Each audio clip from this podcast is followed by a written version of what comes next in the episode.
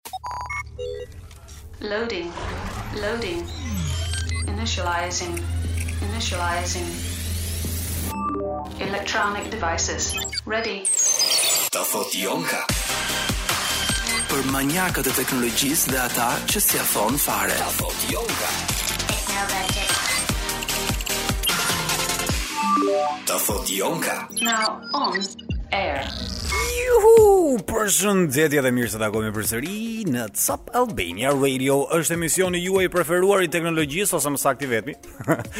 nëpër radiot dhe për mediat shqiptare. Flasim për teknologji dhe për konceptet e së ardhmes së pari një herë mirëmbrëma dhe uroj që të jeni mirë, uroj që t'ju kenë dalë mirë rezultatet dhe parashikimet dhe dashuria juaj për futbollin. Italia po ecën mirë apo jo, Wizi, me ç'kam dëgjuar, se unë s'marr vesh nga futbolli, po kur e pi atë birrën me shokët e lagjes, e di që për Italinë duhet të bëj tifo, se me Italinë janë shokët e mi. Forza Italia. Sot nuk flasim për Italinë, nuk flasim as për Evropianin 2020, por flasim për inteligjencën artificiale, të cilën jam i bindur i qartë që e keni dëgjuar lart e poshtë të diskutohet nëpër portale, nëpër media, e ndoshta ju ka rënë edhe kështu si bisedë, le të themi,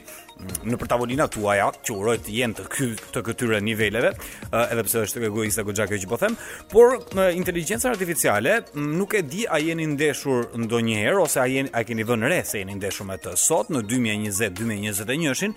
shkenca ose më saktë teknologjia e inteligjencës artificiale është bërë kaq shumë e përdorshme ose kaq shumë e zakonshme saqë edhe në përditshmërinë tonë shqiptare për më tepër është pjesë e jona. Ë uh, kuptimi ose forma e saj më e ndeshshme është forma e botëve të WhatsApp-it, të Facebook-ut, kur ti futesh tek faqja e një biznesi, e një dyqani online dhe të kthen përgjigje menjëherë në mënyrë automatike uh, në në atë boksin e çatit pra le të themi. Kur ti kërkon një një produkt apo ke një pyetje të caktuar, të kthehet një përgjigje një përgjigje në mënyrë automatike. Kjo është një pjesëzë e vogël e inteligjencës artificiale të aplikuar. Por çfarë është inteligjenca artificiale në vetvete në një koncept më të gjerë dhe më të detajuar të vetin? Cili është historiku i saj? Ku jemi sot aktualisht me uh, konceptin e inteligjencës artificiale dhe ku do të shkojmë? Do t'i merrni vesh të gjitha këto sot. Për sondazhin nga ana tjetër mos harroni që të na votoni në Instagram në faqen tonë zyrtare në Top Albania Radio, përdorimi i laptopit, smartphone-it shkakton kancer. Kemi një personazh sot që është Jeff Bezos, kemi goxha gjëra për të diskutuar. Jemi këtu te Ta thotë Jonka për t'ju shpjeguar të gjitha këto koncepte të cilat ndoshta të ndeshura ndonjëherë në ndonjë tavolinë bisede apo në ndonjë portal i cili ka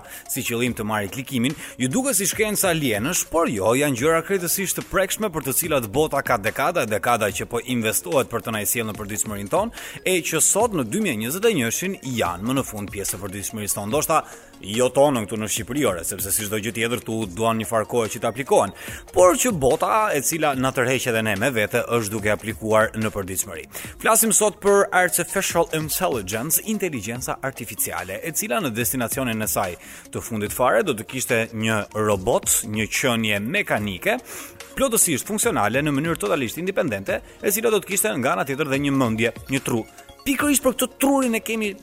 Çështjen e kemi bisedimin e sotëm. Ëm um, çfarë është një inteligjencë artificiale? Praktikisht është çdo lloj sistemi dhe ky është termi uh, i saktë sipas sipas kritikës, çdo sistem i cili percepton rrethanat e tij, pra mjedisin në të cilin ndodhet dhe vepron për të arritur qëllimet e veta. Kjo është një inteligjencë. Ajo se çfarë duhet të dimë pastaj, duhet të ndajmë çfarë është natyrale dhe çfarë është artificiale. Padyshim që natyrale është ajo çfarë vjen nga natyra, nga universi, nga nëna, nga babai, nga prindi 1, nga prindi 2, prindi 7, prindi 17, ë ndërsa diçka që është artificiale, padyshim që është diçka e cila ka ardhur në jetë, jo nga nëna natyrë, por nga doçka e bukur e ëmbël e njeriut, njësoj si liqeni artificial që kemi këtu në Tiranë. Aplikimet e veta janë nga më të mëdhatë, nga më të përditshmet, nga gjëja më e thjeshtë fare, ë që është një search engine, Praktikisht e ke menduar ndonjëherë se si dreqin ia del mbanë Google-i që të të të të më të më gjejë atë fjalën që unë dua të kërkoj ose atë fjalinë që unë jam duke shkruar të ma plotësojë pjesën e mbetur në një mënyrë krejt të paparë.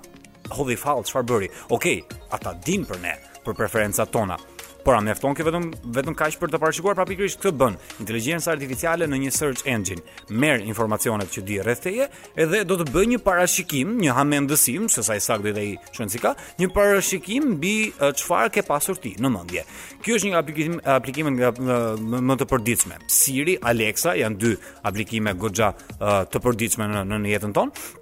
Nga ana tjetër po të shohim pastaj një destinacion tjetër, uh, edhe më efikas, edhe më um, i sofistikuar, do të ishin makinat autonome, Tesla dhe të gjitha makinat e tjera që janë duke prezantuar tashmë rrugëve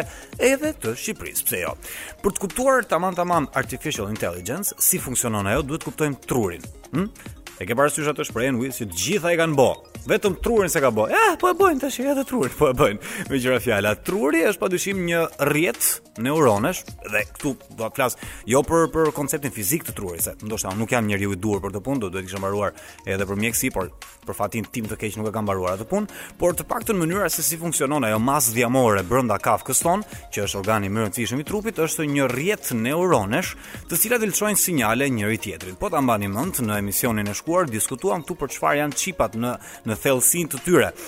Çipat Dhe për ju që jeni kuriozë ta dini se çfarë janë ato, futuni tek kanali zyrtar i Top Albania Radios në YouTube dhe ndiqeni aty emisionin tek playlistat, thotë Jonka. Pra praktikisht mënyra se si komunikonin çipat ishte duke numëruar duke bërë një 0, një njësh, 0, njësh, 0, njësh, duke dërguar sinjale tek njëri tjetri. Pa dyshim që sinjalet e trurit janë shumë herë më të komplikuara se kjo, ndaj edhe ende nuk kanë arritur dot që ta replikojnë një tru funksional të paktën, pra një rrjet neuronesh, të cilat dërgojnë sinjale tek njëri tjetri duke evoluar me kohën dhe këto sinjalet nuk janë asgjë më pak, asgjë më shumë se sa thjesht informacion i cili ruhet në pjesë të ndryshme të trupit, të të, të trurit, e më pas këto um, këto uh, informacione të ruajtura shërbejnë për të pasur një eksperiencë. Kështu që në momentin e dytë kur ti do të përballesh me një situatë tjetër, të ngjashme me diçka me të cilën ti je uh, përballur, do të dish si të reagosh më mirë, duke evoluar kështu me kalimin e kohës. Dhe mm, le të themi që ka disa pjesë truri. Aspekti mekanik padyshim që është tashmë i realizuar. Pra po flasim gjithmonë për konceptin e fundit, pra që të kemi një robot funksional independent me mendjen e tij. Aspekti mekanik është tashmë i realizuar. i kopjuar nga truri i njeriut pra, sepse mjafton që të shikosh makinën, ti jep ca komanda, makina të përgjigjet, mjafton që të shikosh kompjuterin, ti jep ca komanda, makina të përgjigjet. Por këto janë padyshim vetëm mekanizma, nuk janë të afta për të menduar me vete. Kjo do dojë një pjesë tjetër, pra do të donte ruajtjen, procesimin dhe riprodhimin e kësaj eksperience. Çka është pra edhe the goal, qëllimi i atyre që merren me inteligjencën artificiale? Pra krijimin e aftësisë kognitive në një sistem artificial. Um, inteligjenca artificiale në vetvete është një degë e shkencave kompjuterike, për të gjithë ju që po mbaroni mat maturën kini mendjen,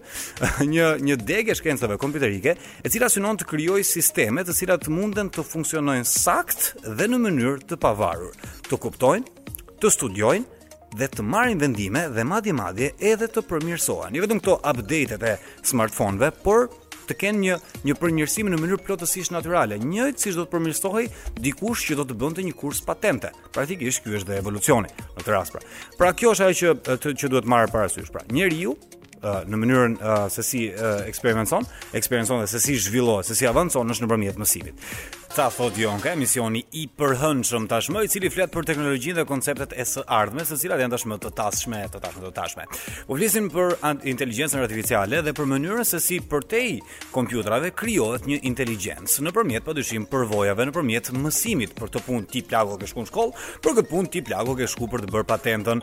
Ëm um, praktikisht janë uh, dy mënyra kryesore se si trajnohet, se si mësohet një bot i inteligjencës artificiale. Se në fund fare ka nevojë që një uh, inteligjencë artificiale, një sistem uh, Mm, le të themi neuronesh, pra një rrjet neuronesh në thonjëza gjithsesi, ë ë duhet të trajnohen gjithsesi për të kuptuar se çfarë është gjëja ose funksioni uh, për të cilin uh, do do të përdoren nesër. Ka dy mënyra, symbolic learning dhe machine learning. Symbolic learning uh, ka të bëjë me një mënyrë të procesimit të imazheve, duke e furnizuar një uh, një boti me imazhe të shumta dhe ta bësh të bot të mësojë se të dallojë njërin imazh nga imazhi tjetër ose ta bësh që të klasifikojë pra imazhet, duke kuptuar se çfarë është një tavolinë, duke kuptuar se çfarë është një njeri që ecën në rrugë dhe duke furnizuar më pas makinën me informacione që të bëjë dallimin pra midis kafshës, shtyllës së tensionit dhe njeriut dhe kë nga këto treja duhet të shtypë në rast rreziku, ose edhe machine learning, e cila është me të dhëna, me data, që quhen ndryshe. Të dhënat që mund të jenë statistika, shifra, praktikisht të furnizuara në kompjuter. Speech recognition është një mënyrë se si um, një inteligjencë artificiale, një bot inteligjencës artificiale mëson. Dhe speech uh, recognition ka të bëjë me mënyrën se si edhe ne një njohim të folurën pra. Mënyra kryesore se si ne komunikojmë me njëri-tjetrin, me anë të fjalës, pra praktikisht ti furnizon me një sërë të dhënash, me një sërë përdorimesh të të folurit, një lloj boti dhe më pas ai do të kthejë përgjigje nëpërmjet natural language processing që ka të bëjë me të shkruarit dhe të kënduarit të këtyre fjalëve, që është praktikisht e mishëruar tek Amazon Alexa, tek Siri, tek Google, tek këto asistentët virtual, të cilët të kthejnë përgjigje, kuptojnë çfarë je duke i thënë ti dhe të kthejnë përgjigje, duke kuptuar edhe dialekte të ndryshme, duke kuptuar edhe konotacione të ndryshme emocionale në në momente të caktuara, duke kuptuar sa i mërzitur apo i lumtur je, e duke kuptuar në fund fare pastaj edhe kërkesën tënde. e duke të dhënë nga ana tjetër dhe një përgjigje. Image processing ka të bëjë gjithmonë me symbolic learning, duke i furnizuar pra edhe një herë me imazhe të shumta për të shkuar tek ai destinacioni dhe ka padyshim aplikime nga më të fundit. Pattern recognition ku AI është edhe më e mirë se sa njeriu, sepse një inteligjencë qoftë kjo artificiale, qoftë kjo natyrale, është e aftë që të kuptojë patterns ose ndryshe thënë shqip modele të ndryshme. Dhe duke bërë dallimin më pas, duke kuptuar se um, cila ka qenë kurba e po themi një tregu të caktuar në një vend të caktuar, duke kuptuar kështu modele të ndryshme. Duke kuptuar se cila ka qenë Modeli i sjelljes së një adoleshenti në filan moshë, pra praktikisht duke kuptuar më shumë botën që e rrethon uh, vërdall. Uh, një nga aplikimet më të mira do të ishte në imazherinë e mjekësisë, po themi ku uh, një boti të inteligjencës artificiale ti i furnizon mijëra mijëra mijëra mijëra imazhe të ndryshme, duke krijuar kështu një model të caktuar se cilat uh, tipare zakonisht paralajmërojnë tuberkulozin, paralajmërojnë një problem tjetër në mushkëri dhe duke ia dhënë kështu rezultatin ose të paktën atë që inteligjenca artificiale mendon se ka si diagnozë gjë e cila është shumë më e saktë se sa një njeri i cili është i kufizuar në sasinë e imazheve që mund të shohë një ditë në brenda një dite. Okej, okay, dhe po flasim për mënyrën se si trajt, se si trajnohet furnizim me të dhëna, ai mëson strukturën, modelin, pasi ka kaluar një kohë goxha të madhe stërvitjesh me probleme të cilave ti sigurisht që edhe furnizuesi trajnuesi ua di zgjidhjen, Ti mas pasi e ke trajnuar këtë këtë këtë bot të inteligjencës artificiale, e hedh në jetën reale që të shohësh efikasitetin e tij për ta njohur problemin, që është praktikisht mënyra se si ne shkollohemi. Bëjmë vite e vite shkollë, padyshim jemi uh, të të të të penguar nga nga kapaciteti i trurit për të thithur gjëra, sepse sigurisht që ke nevojë për gjumë, ke nevojë të hash, ke nevojë të të të të të dëfrehesh, ndërsa një bot jo, mund të rrijë aty dhe informacione të cilat ti do t'i merrje brenda një semestri, boti do t'i merrte brenda gjysmë ore. Pra, po flasim për për për një të ardhme e cila nuk është fare fare fare larg. Uh, pasi ia ke programuar zgjidhjen, ia ke përcaktuar dhe ti sigurisht vendimet që ai mund të marrë në varësi të rezultateve. Por praktikisht gjithsesi e ke ti në dorë mënyrën se si do ta programosh dhe do t'ia ja japësh formën një inteligjence artificiale, një boti të inteligjencës artificiale. Dhe kjo është thënë kështu në vija të trasha, mënyra se si funksionon um, një bot i inteligjencës artificiale, pra truri i atij robotit, i asaj makinerie e cila nesër do të bëjë veprime të pavarura nga ty, veprime plotësisht autonome, e do të ndryshojë komplet mënyrën se si bëjmë detyrat e përditshmërisë, se si porosisim një kafe, se si e blejmë një biletë avioni, se si udhëtojmë me makinë, a do japim më ne makinës apo s'do japim për gjëra të tilla do të flasim super shpejt pasi të kthehemi. Do të shkojmë në music, apo jo wizi? Jemi publicitet, okay? Jemi publicitet, do të rikthehemi pas pak për të dhënë një kontekst fare të shkurtër historik, për të dhënë një kontekst aktual se ku jemi me inteligjencën artificiale e më vonë pastaj do të flasim edhe për çfarë do të parashtrojë e ardhmja ose më saktë se cilat janë rreziqet të cilat nuk janë dhe fort të të ardhmes, se ka vende të cilat i kanë aplikuar në një mënyrë një çik obskure. Fantazia dhe dëshira e njerëzimit për të pasur inteligjencë artificiale ka ekzistuar që në krye të herës, që në filozofët e antikitetit, që në kohët e lashtësisë, që në kohët kur tek drahma e antikitetit grek kishte të të të, të printuar një personazh të quajtur Talos nga civilizimi i kretasve të asaj kohe, të cilin mendonin se do të ishte një uh, krijesë artificiale që mbronte ishullin dhe mbronte vendin nga piratët dhe nga sulmet e, e tjera. Pra praktikisht ka të regjistruara që në kohë dëshira të tilla, edhe personazhet e letërsisë si Frankensteini, çfarë janë asgjë tjetër përveç se dëshira për të pasur një inteligjencë të krijuar nga dora e njeriut. I pari i cili kreditohet si nismëtar i kësaj pune i fushës është Alan Turing, i cili është një teoricien i kësaj pune dhe një nga njerëzit përgjegjës për për për për kompjuterin, për smartphonein që ti ke në dorë tani dhe për atë kasetofonin që po dëgjon tani live këtu në Top Albania Radio, emisionin të quajtur Ta thotë Jonka. Alan Turing, i cili u persekutua në atë kohë nga inteligjenca nuk e di sa inteligjente ishte atëherë në kohë Britania e cila e persekutoi atë njeriun thjesht për shkak të preferencave të tija seksuale.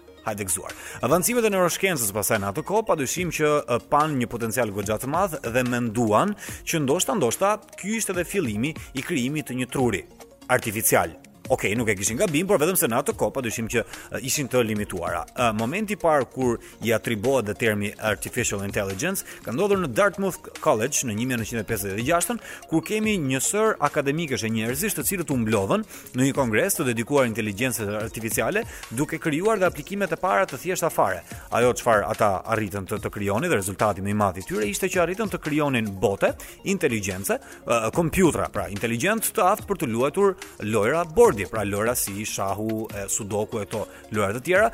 dhe praktikisht inteligjenca artificiale aplikuar në mënyrën e saj më të hershme fare si tek këto lojrat që ti luan tashmë me smartphone-in tënd duke luajtur pra kundër kompjuterit. Pra. Gjatë viteve 60 u mendua që kjo do të ishte e ardhmja dhe e ardhmja edhe padyshim në ushtri, pse jo? Se në fund të ditës e dimë shumë mirë që um, financimet më të mëdha, sidomos duke marrë shembullin e Amerikës, Rusisë dhe vendeve të tjera, Kanë të bëjnë sigurisht me me departamentin e ushtrisë sepse gjithmonë qeveritë kanë para, paranoja të tyre. Pra gjatë viteve 60 uh, u financua direkt në mënyrë direkte nga departamenti i mbrojtjes inteligjenca artificiale gjithmonë në Shtetet e Bashkuara të Amerikës. Në vitet 70 u ulën ritmet në USA dhe në UK dhe kjo u quajt pastaj edhe nga ana tjetër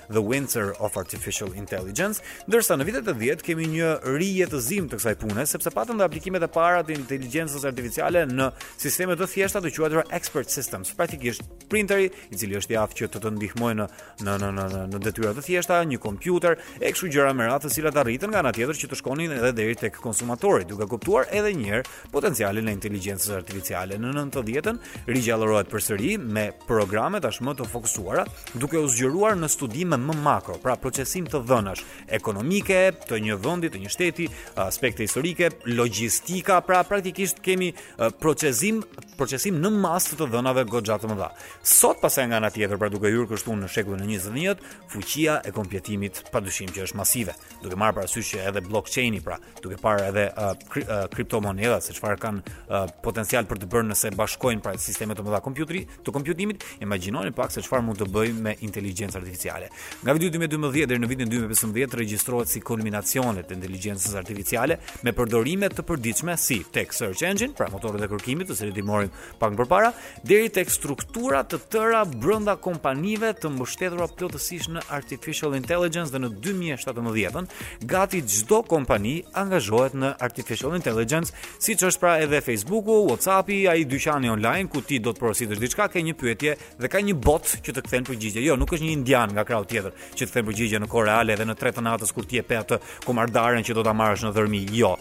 është një bot i inteligjencës artificiale i cili të kthe përgjigje. Këto janë aplikimet më të thjeshta të inteligjencës artificiale. Po po, jeni tek Ça thotë Jon Kata emisioni i çdo të hëne këtu nga ora 6 deri në orën 8 në Top Albania Radio për të folur për inteligjencën artificiale, të cilën e shpjeguam edhe se si ka evoluar deri këtu dhe nga ana tjetër i shpjeguam edhe këto aplikimet e veta në në në, në ose më saktë ju shpjeguam se çfarë është aplikimet do shpjegojmë tani. Silicon Valley është një zonë në San Francisco, në Kalifornia, e cila është le të themi kështu kryeqendra e jo vetëm inteligjencës artificiale, por fronti i parë kryesor i të gjitha inovacioneve teknologjike, të paktën sa i përket botës perëndimore. Mjafton që t'ju them që aty është i lokalizuar Apple, Google, Facebook, Amazon dhe kompani të tjera të mëdha me qindra startupe nisin aty çdo ditë. Në Silicon Valley duhet të shkojë njeriu sepse aty për ata që kanë interes gjithmonë, aty është edhe kryeqendra e avancimeve të inteligjencës artificiale. Kjo lloj fjale është kryefjala në rrugët e Silicon Valley dhe në këtë vend mund të shikosh aplikime të para të parat ndonjëherë në botë, të para edhe nga ana tjetër për syrin e njeriut, të aplikuara në jetën e përditshme, siç ka për shembull dyqane të quajtura Amazon Go, të cilat pretendohet, sipas kompanisë Amazon, që do të zhvillohen dhe do të hapen nëpër vende të tjera të Amerikës, që janë praktikisht një lloj formule, e aplikuar në Kinë, por për të do flasim pak më vonë, të një supermarketi ku ti nuk ke nevojë as për portofol, as për para me vete, absolutisht asnjë lloj gjëje. Ti hyn, në këtë supermarket, merr atë objektin që ke dashur të merrje kështu, në mënyrë direkte nga rafti dhe del nga dyqani sepse je i monitoruar gjatë të gjithë kohës nga të katërta anët nga kamera inteligjente të fuqizuara nga inteligjenca artificiale, të cilat kuptojnë çfarë je duke bërë, çfarë je duke marrë. Pra mjafton që të kesh një aplikacion dhe ato do të mbajnë shënim çdo lloj objekti që ti ke marrë me të cilin ti pastaj ke dalë edhe nga dyqani, sapo të kesh dalë nga dyqani, tek aplikacioni do të vijë dhe fatura, e cila sigurisht është e lidhur dhe me kartën tënde të kreditit dhe me llogarinë tënde bankare pra praktikisht dhe do të taksohesh ose do të faturohesh kështu në mënyrë digjitale. Pra, asnjë lloj kashieri s'ke nevojë të takosh absolutisht asgjë madje madje tek ky aplikacioni do të sugjerohen edhe receta për të gatuar atë lloj uh, produkti. Dhe kjo është me një kosto, kjo sigurisht kjo lloj shkence, kjo lloj teknologjie vjen me një farë kostoje që është privatësia dhe fytyra dhe monitorimi i vazhdueshëm 24 orë në 24. Dhe për t'ju vërtetuar që e ardhmja flet në inteligjencë artificiale, mjafton që t'ju them se Universiteti i Stanfordit në Kalifornia është një nga universitetet më përpara drejt kësaj pune, ç'ka, edhe një herë nga maturantët që po më dëgjojnë tani, Science, uh, computer science është padyshim e ardhmja, inteligjenca artificiale është padyshim e ardhmja në rast se je i mirë në matematikë, plako investoji të gjitha uh, potencialet e tua këtu. Me 6.5 bilion dollar buxhet vjetor, Universiteti i Stanfordit drejtuar vetëm inteligjencës artificiale. Kjo duhet të thotë diçka. Nga ana tjetër është qeveria kineze e cila ka futur biliona, biliona dollar subvencione me një qëllim që të jetë kryeqendra e inteligjencës e inteligjencës artificiale deri në 2030-ën. Ata aktualisht kanë aplikuar goxha sisteme të inteligjencës artificiale, mundësuar goxha në faktin që survejojnë çfarëdo lloj lëvizje të qytetarëve të vet dhe kanë aktivizuar tashmë duke aplikuar ende në momentin që po flasim një ekonomi të tërë e cila funksionon pa para. Gjithçka funksionon me anë të fytyrës. Pra, atë Amazon Go që ju shpjegova pak më parë e ke në Kinë në çdo cep të Kinës. Edhe kur shkon në metro, kamera të fikson kush je ti dhe ta ka faturuar pra nga ana tjetër atë atë atë shpenzimin që do bëhet tek bileta. Dhe një mënyrë tjetër se si uh, në Kinë ka funksionuar inteligjenca artificiale ka të bëjë dhe me pandeminë. Pra praktikisht gjithçka që atyre u duhet është thjesht fytyra jote. Dhe kur ky lloj sistemi arrin të dallojë fytyrat në Kinë, imagjino se ç'bëhet këtej nga perëndimi. Okej, pa ofenduar askënd këtu. Ne merremi me teknologjinë dhe me inteligjencën artificiale e cila e aplikuar në masë në Kinë u shpëtoi njerëzve jetën në masë, pavarësisht se ata shifrat i patën goxha të larta, por në raport me popullsinë e tyre pati goxha sukses, sepse mënyra se si jeta është um, e ndarë, se si jeta funksionon në Kinë, është që praktikisht nëpër rrugët e tua në rrugët e qytetit, njeriu nuk ka privatësi pothuajse fare, sepse ka kamera gjithandej, gjithë kohës 24 orë në 24, duke uh, duke survejuar çdo lloj lëvizje që ti bën dhe madje madje të gjithë janë të regjistruar me facial recognition, pra fytyra e të gjithëve është e regjistruar në një databazë kolektive të madhe, tek e cila ka padyshim duar dhe dhe dhe, dhe akses edhe qeveria. Dhe praktikisht kur ty të shihte ky sistem që ke dalë nga shtëpia, të vinte lajmërimi në telefon. Pra karantina më efektive ka qenë padyshim në Kinë, ku privatësia edhe një herë pra dhunohet fuqishëm, sido sidoqoftë privatësia e rrugëve publike, po flasim gjithmonë kështu. Në momentin që ti shihej që nuk ishe duke zbatuar njërin protokoll, pra qoftë se nuk po zbatoje distancën sociale, të vinte mesazhi. Në rastin kur ti nuk e zbatoje, do të vinte gjoba e pastaj masa tjetër. Dhe kjo ishte mënyra se si Kina ja doli që të ja ta ta ta ta të hapej më përpara se pjesa e mbetur e botës. Tani, kjo lloj survejimi do të vijë një moment që do të bëhet në masë, padyshim, do të ketë shumë të mira të veta. E para një, atë robotin e imazherisë të cilin e përshkruan pak përpara, një nga shembujt më të mirë se si inteligjenca artificiale do të përmirësojë shëndetësinë, Pra nuk ka, për shembull, qoftë se do të marrim shembullin e Parkinsonit, nuk ka ende një studim i cili do na parashtrojë se cilat janë simptomat paraardhëse të Parkinsonit. Një nga lidhjet e vetme ka të bëjë me ndryshimin e zërit. Mënyra se si njeriu do të kontrollojë ose do të mbajë në kontroll ose do të parashikojë Parkinsonin do të jetë duke regjistruar audio të veta dhe duke furnizuar një boti të inteligjencës artificiale, i cili do të dallojë ndryshimet të vogla apo të mëdha qofshin këto të frekuencës duke të paralajmëruar ty për një nga simptomat e Parkinsonit duke të ndihmuar pra në këtë mënyrë edhe sa i përket pra diagnozave mjekësore ose në rast se ti do të kesh një sistem survejimi i cili do të jetë i lidhur me regjistrat e tua mjekësore uh, që të monitoron në çdo lëvizje që ti bën do të kesh kështu një regjistër, një dosje të mënyrës se si ti ecën, të sa kohë rri në këmbë, të defekteve apo veseve jo fort të mira, jo fort të shëndetshme, të cilat do t'i furnizohen menjëherë doktorit tënd, sepse kur ti shkon te doktori jot, ti i thua atij ça problemi ke dhe ai do të pyesë pa dyshim për rutinën tënde. Pavarësisht qëllimit tënd të mirë, e ke të kufizuar memorien drejt pozicioneve të tua të përditshme. dhe do të jesh gjithmonë, do biesh në hamendësim, ndërsa në inteligjencë artificiale këto janë shkenca ekzakte. Një robot i cili do të skanonte pra ato imazhet X-ray, uh, do të do të do, do të shihte këto, do të jepte një diagnozë njësoj si një imazherist. Uh, një imazherist nga ana tjetër Çaneti sa lloj imazhesh të tilla do të shoh në ditë, sepse padyshim që njeriu bëhet më i mirë me përvojë. Sa imazhe të tilla do të shikonte një imazherist? 10 po themi, në 350 ditë të të, të vitit do të shihte pra le të themi kështu uh, 3050 uh, imazhe të tilla në vit. Në 10 vite eksperience do të shihte 30000. 30000 imazhe të tilla një roboti të inteligjencës artificiale ja furnizojnë për një orë. pra praktikisht praktika dhe eksperienca e një imazheristi do të ishte goxha në konkurrencë me atë të inteligjencës artificiale pra. Ashtu dhe bukur fort. Të ruajtura të gjitha këto informacione pastaj në blockchainin, që e kemi shpjeguar edhe tek kriptomonedha, për ju që doni ta dini se si funksionon kriptomonedha, futuni edhe një herë në YouTube tek kanali zyrtar i Top Albania Radio ku ndiqni emisionin ta thotë Jonka, tek emisioni i parë fare në lidhje me uh, blockchainin dhe me kriptomonedhën pra të ruajtura në të gjithë sistemet e botës, uh, do të kesh pra një sistem universal kështu i cili do të aksesohet nga doktori jot kudo që të ndodhet ai Ë gjithmonë pra mbështetur në inteligjencën artificiale dhe monitorimin 24 orë që inteligjenca artificiale të bën gjithmonë me konsensus dhe me lejen tënde. Qarkullimi dhe transporti pasaj do të ketë padyshim gjëra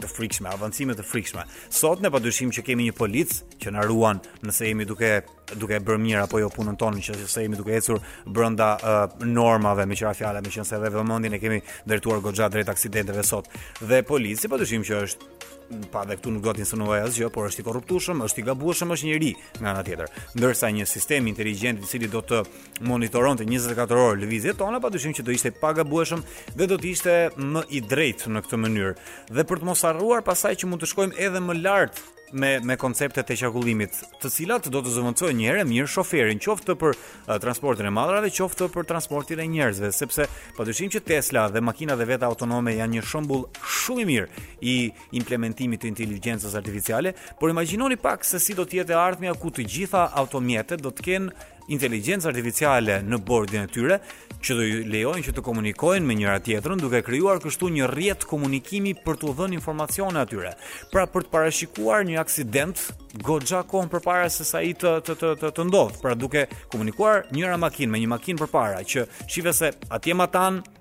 ka ndodhur një aksident. Shihe se atje matanë është një gropë të cilën nuk e parashikuam. Shihe se atje matanë po bie shi dhe aty ka ujë. Duke lajmëruar makinën tënde e duke të kursyer ty kështu jetën, praktikisht jetën, duke të paralajmëruar pra në një farë mënyre dhe Në qoftë se ne ia lëmë inteligjencës artificiale drejtimin e automjetit tonë, ne ndoshta mund të na marrë një çik adrenalina dhe do e shkelim një çik gazin sepse na pëlqen një çik shpejtësia. Ndërsa një robot inteligjencës artificiale nuk ka adrenalinë dhe nuk ka inteligjencë emocionale. Ai do të lexojë tabelën 90 dhe me 90 do të eci. Ai do të lexojë tabelën 20 dhe me 20 do të eci. Pra praktikisht ka edhe goxha të mira. që inteligjenca artificiale do t'i prezantojë dhe do t'i sjellë botës. Dhe IoT pa dyshim që është njëri nga, um, le të themi, mënyrat më të mira se si inteligjenca artificiale do të implementohet. IoT-ja është një koncept i së ardhmes, i cili ndoshta nuk është dhe aq i së ardhmes, sepse edhe sot që po flasim po aplikohet në disa mënyra të vetat, por praktikisht Internet of Things është koncepti i të gjitha aparateve elektronike, do të kenë mundësinë të komunikojnë me njëra tjetrën. Furra do të komunikojë me me me me makinën e cila është duke u afruar drejt shtëpisë dhe do të ngrohet sepse ti ja urdhërove këtë punë që ta vësh tavën në kohë duke të kursyer goxha kohë. Kondicioneri do të lajmërohet po ashtu nga makina që ti je duke ardhur dhe do të ngro, do të ndizet për të për të ta ofruar ty shtëpinë të freskët apo të ngrohtë në varësi të temperaturave. Makina në rast se ti do të çohesh çdo mëngjes në orën 7 dhe do që ajo të jetë e ndezur, kondicioneri po ashtu i makinës të jetë i ndezur, do të automatizohet dhe do të flasë me llampën e cila do të jetë e lidhur me një kamerë dhe do të shikojë që ti je çuar nga krevati dhe do të ndezë makinën. E plot e përplot aktivitete të tjera, të cilat do të automatizohen nga inteligjenca artificiale. Kina dhe problemi i saj i privatësisë, padyshim që është tashmë e njohur, por kjo rrjedh nga Sistemi i vetë komunist i cili ka dekada, dekada që ekziston aty dhe njerëzit tashmë janë mësuar me këtë pjesë dhe nuk e kanë më problem, të paktën kështu lexojmë dhe thuhet, monitorimi absolut do të siguronte që sistemi i drejtësisë nga ana tjetër të ishte i saktë. Kjo është ajo se çfarë pretendohet, sepse në qoftë se ti monitoron 24 orë njerëzit, Pa dyshim që ata do të jenë të frikësuar që të bëjnë gabime të ndryshme, më the tash. Por kur ke një sistem drejtësie i cili është i bazuar në këtë, në këtë lloj inteligjencë artificiale, do të ishte mirë në qoftë se edhe vetë inteligjenca artificiale do të merrte vendimet. Por kur në këtë sistem ka duart të futura sistemi ose më saktë qeveria jote, e këtu kemi sigurisht pastaj edhe faktorin njeri i cili do të merrte do ta përdorte këtë sistemin për qëllimet e veta. Dhe një mënyrë se si inteligjenca artificiale praktikohet në Kinë është social credit, praktikisht fytyra jote është e lidhur me një sistem pikëzimi social, i cili në rast se të ulet, dhe ulja e këtyre do të ishte në rast se ti do të ecje um, në, në me me dritë të kuqe, do t'i silleshe keq dikujt, do të bëje një një një një një një veprim jo fort të mirë pra nga ana sociale, do të uleshin këto pikët dhe kjo do të ndalonte ty që të prije një biletë, do të të ndalonte ty që të futeshe në ambiente të caktuara, të futeshe në në teatër, në kinema, pra të do të përjashtonin, pra le të themi në një farë mase nga socialja, nga njerëzimi pra praktikisht në qoftë se ti kreditin tënd në raport me njerëzimin nuk e ke dhe fort të mirë. Ë gjë të cilën në qoftë se do e prezantoje në Evropë do të të digjnin të gjallë në mes të sheshit sepse padyshim që evropianët dhe amerikanët e konsiderojnë dhe kanë e kanë shumë të rëndësishme privatësinë e tyre pra praktikisht. Në qoftë se do ta bazonim sistemin tonë të drejtësisë tek inteligjenca artificiale e cila është e aftë që të kategorizojë, është e aftë që të njohë, le të themi kështu, veprime kundër ligjit, por në një të ardhme do të jetë dhe e aftë që të parashikojë krime, a mos po shkojmë drejt atij filmit me Tom Cruise i cili ishte quhej Minority Report, pra ku njerëzit mund të parashikonin një krim teksa ndodhte, por që pa e bërë dikush krimin, a ke ti të drejtë që ta burgosësh atë pavarësisht se sa je i aftë që që të parashikosh, pavarësisht se sa këtë parashikimin e bazon në inteligjencë artificiale apo tek ndonjë magjistar që e ke marrë andej nga nga nga Lushnja që arrin të këndojë kështu kanë atyre në tash. Pra nuk është fort e drejtë kjo. Nëse ne do do do do dënonim dikë pa e bërë një krim ende dhe inteligjenca artificiale dhe parashikimi i saj mund të përdoret edhe për ta. Pra kjo është një mënyrë se si mund të përdoret për keq. Big players në teknologjinë dhe kur themi në teknologji kemi fjalën për big tech dhe po flasim për uh, Google, për Facebook, për Amazon, për Microsoft dhe të gjitha kompanitë e tjera kineze, por le t'i lëmë ato sepse kur flasim për kompanitë kineze janë të gjitha në fund fare të lidhura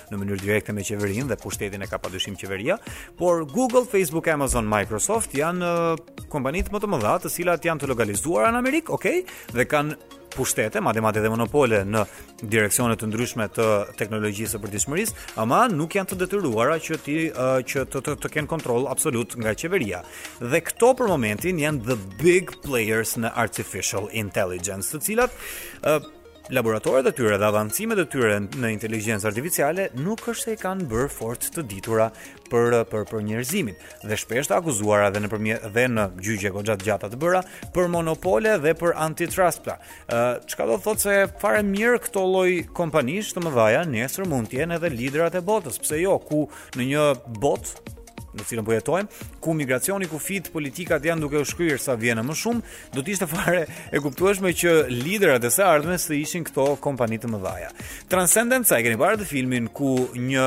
bot apo një inteligjencë artificiale arrin që të kontrollojë të gjithë kompjuterat dhe robotët, të gjithë fuqinë kompjuterike, kompjutike të të, të, të gjithë planetit dhe merr në kontroll të gjithë planetin dhe u parashtron atyre pastaj dhe rreziqe të cilat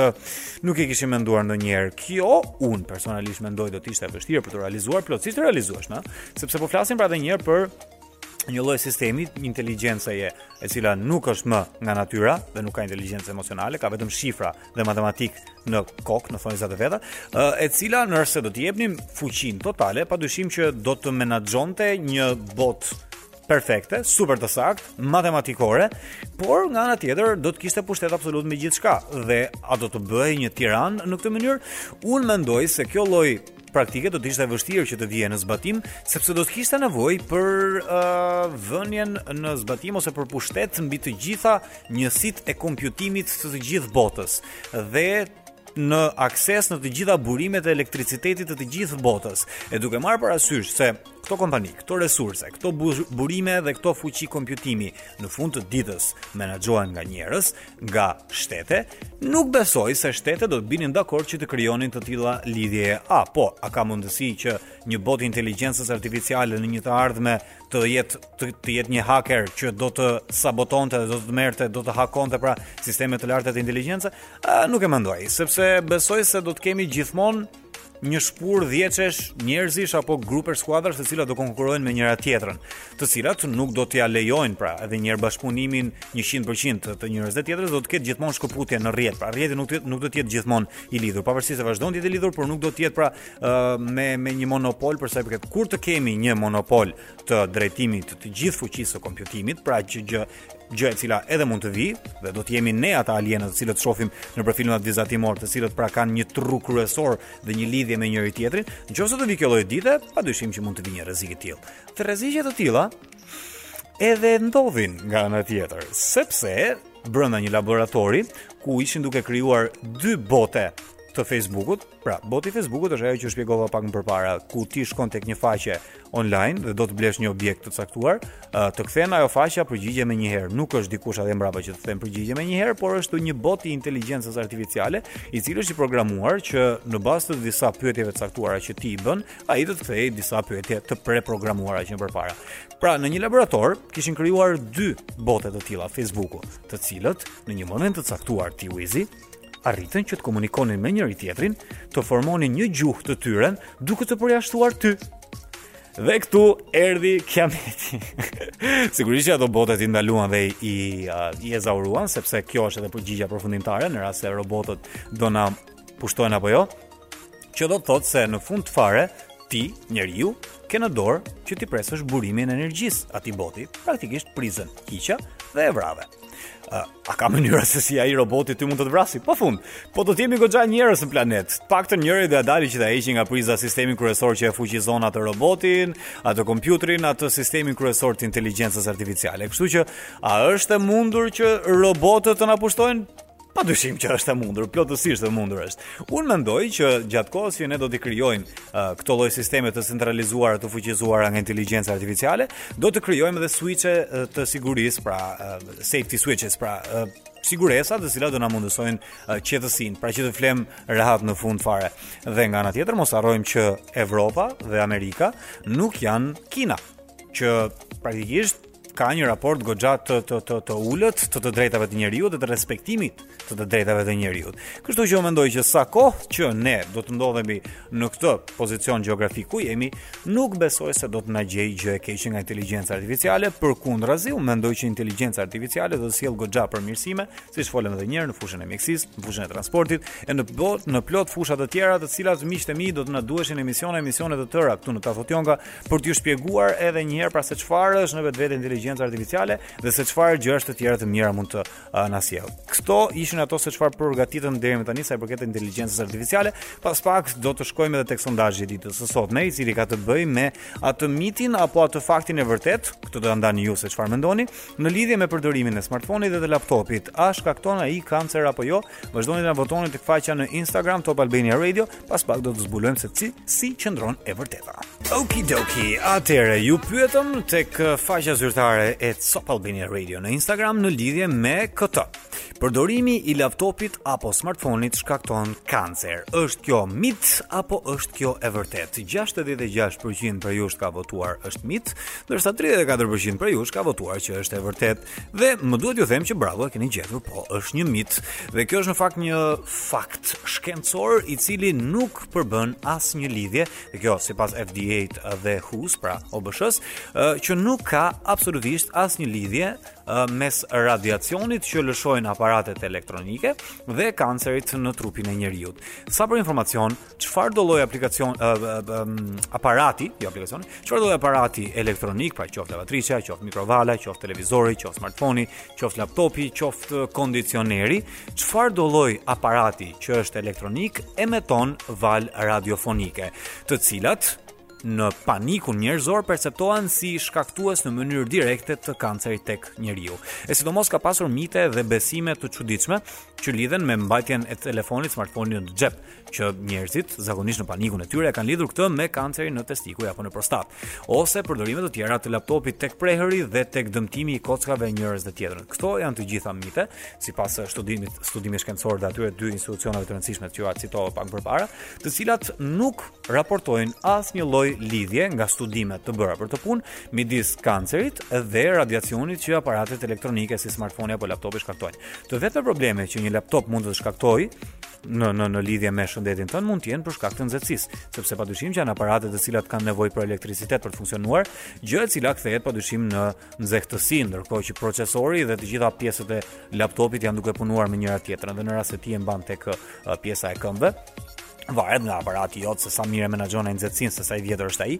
laptopi, gjithmonë po flasim ai mund të shkaktojë edhe djegje që mund të jenë të rrezikshme për lëkurën dhe kjo është një problem që mund të ta shkaktojë edhe tosteri. mund të ta shkaktojë edhe televizori, mund të ta shkaktojë çfarëdo lloj aparati që uh, emeton nxehtësi. Po kjo nuk ka të bëjë me valët radiofonike, kjo nuk ka të bëjë me smartphone-in, pra kjo nuk ka të bëjë me sa shumë e përdor ti. Ë uh, ka disa studime të cilat e lidhin përdorimin e smartphone-it me probleme që ti mund të kesh me veshin e tretë apo me probleme që kanë të bëjnë pra me pjesën e sipërme të trupit me kafkën, sepse mënyra se si funksionon një valë është që ajo thithet nga aparati jot dhe kur ti je duke folur, pra dhe kur je duke folur për kohë të gjata me dikë, këto valë radiofonike mund të thithen nga truri, sepse në fund fare truri është thjesht një një një dërgues dhe një marrës i valëve radiofonike. Po po. Edhe për të do flasim një herë tjetër këtu në Tafotion ka dhe mënyra se si këto lloj valësh i përkthen i përkthen mënyra se si këto lloj valësh i përkthen truri i transmeton ato ose i konverton në nxehtësi, çka mund të të çojë pastaj ndonjëherë, her pas here, edhe në në në probleme dhe shqetësime të tilla, mm, të cilat janë minimale nga ana tjetër, gjykuar gjithmonë thënë gjithmonë nga opinioni i një doktori. Pra, këto valë të thithura nga truri kthehen në nxehtësi dhe këto mund të jenë të vetmet shqetësime të cilat mund të shkaktojë një smartphone apo një laptop apo një pajisje elektronike. Sa i përket kancerit dhe të tilla të tillave shqetësimeve nuk ka asnjë lidhje shkencore për këtë, pra janë të gjitha frikëra të pajustifikuara. Thënë kjo, është momenti që të përshëndetemi, t'i urojmë njëri-tjetrit një pjesë të mbetur të ditës, aq sa ka ngelur në këto pak në këto pak orë, sa më të bukura dhe një javë sa më të bukur. Një javë plot me plazh e plot me me me me, me dashuri ju uroj. Folëm sot për inteligjencën artificiale dhe e morët vesh që jo, robotët nuk do të pushtojnë nuk do e pushtojnë botën, megjithëse e kanë mundësinë, por ne nuk do e lejojmë atë punë. Inteligjenca artificiale e aplikuar në ditët e përditshme dhe javën tjetër do të flasim për vajzat në teknologji. Njerëz të dashur, gjithë mirat, natën e mirë.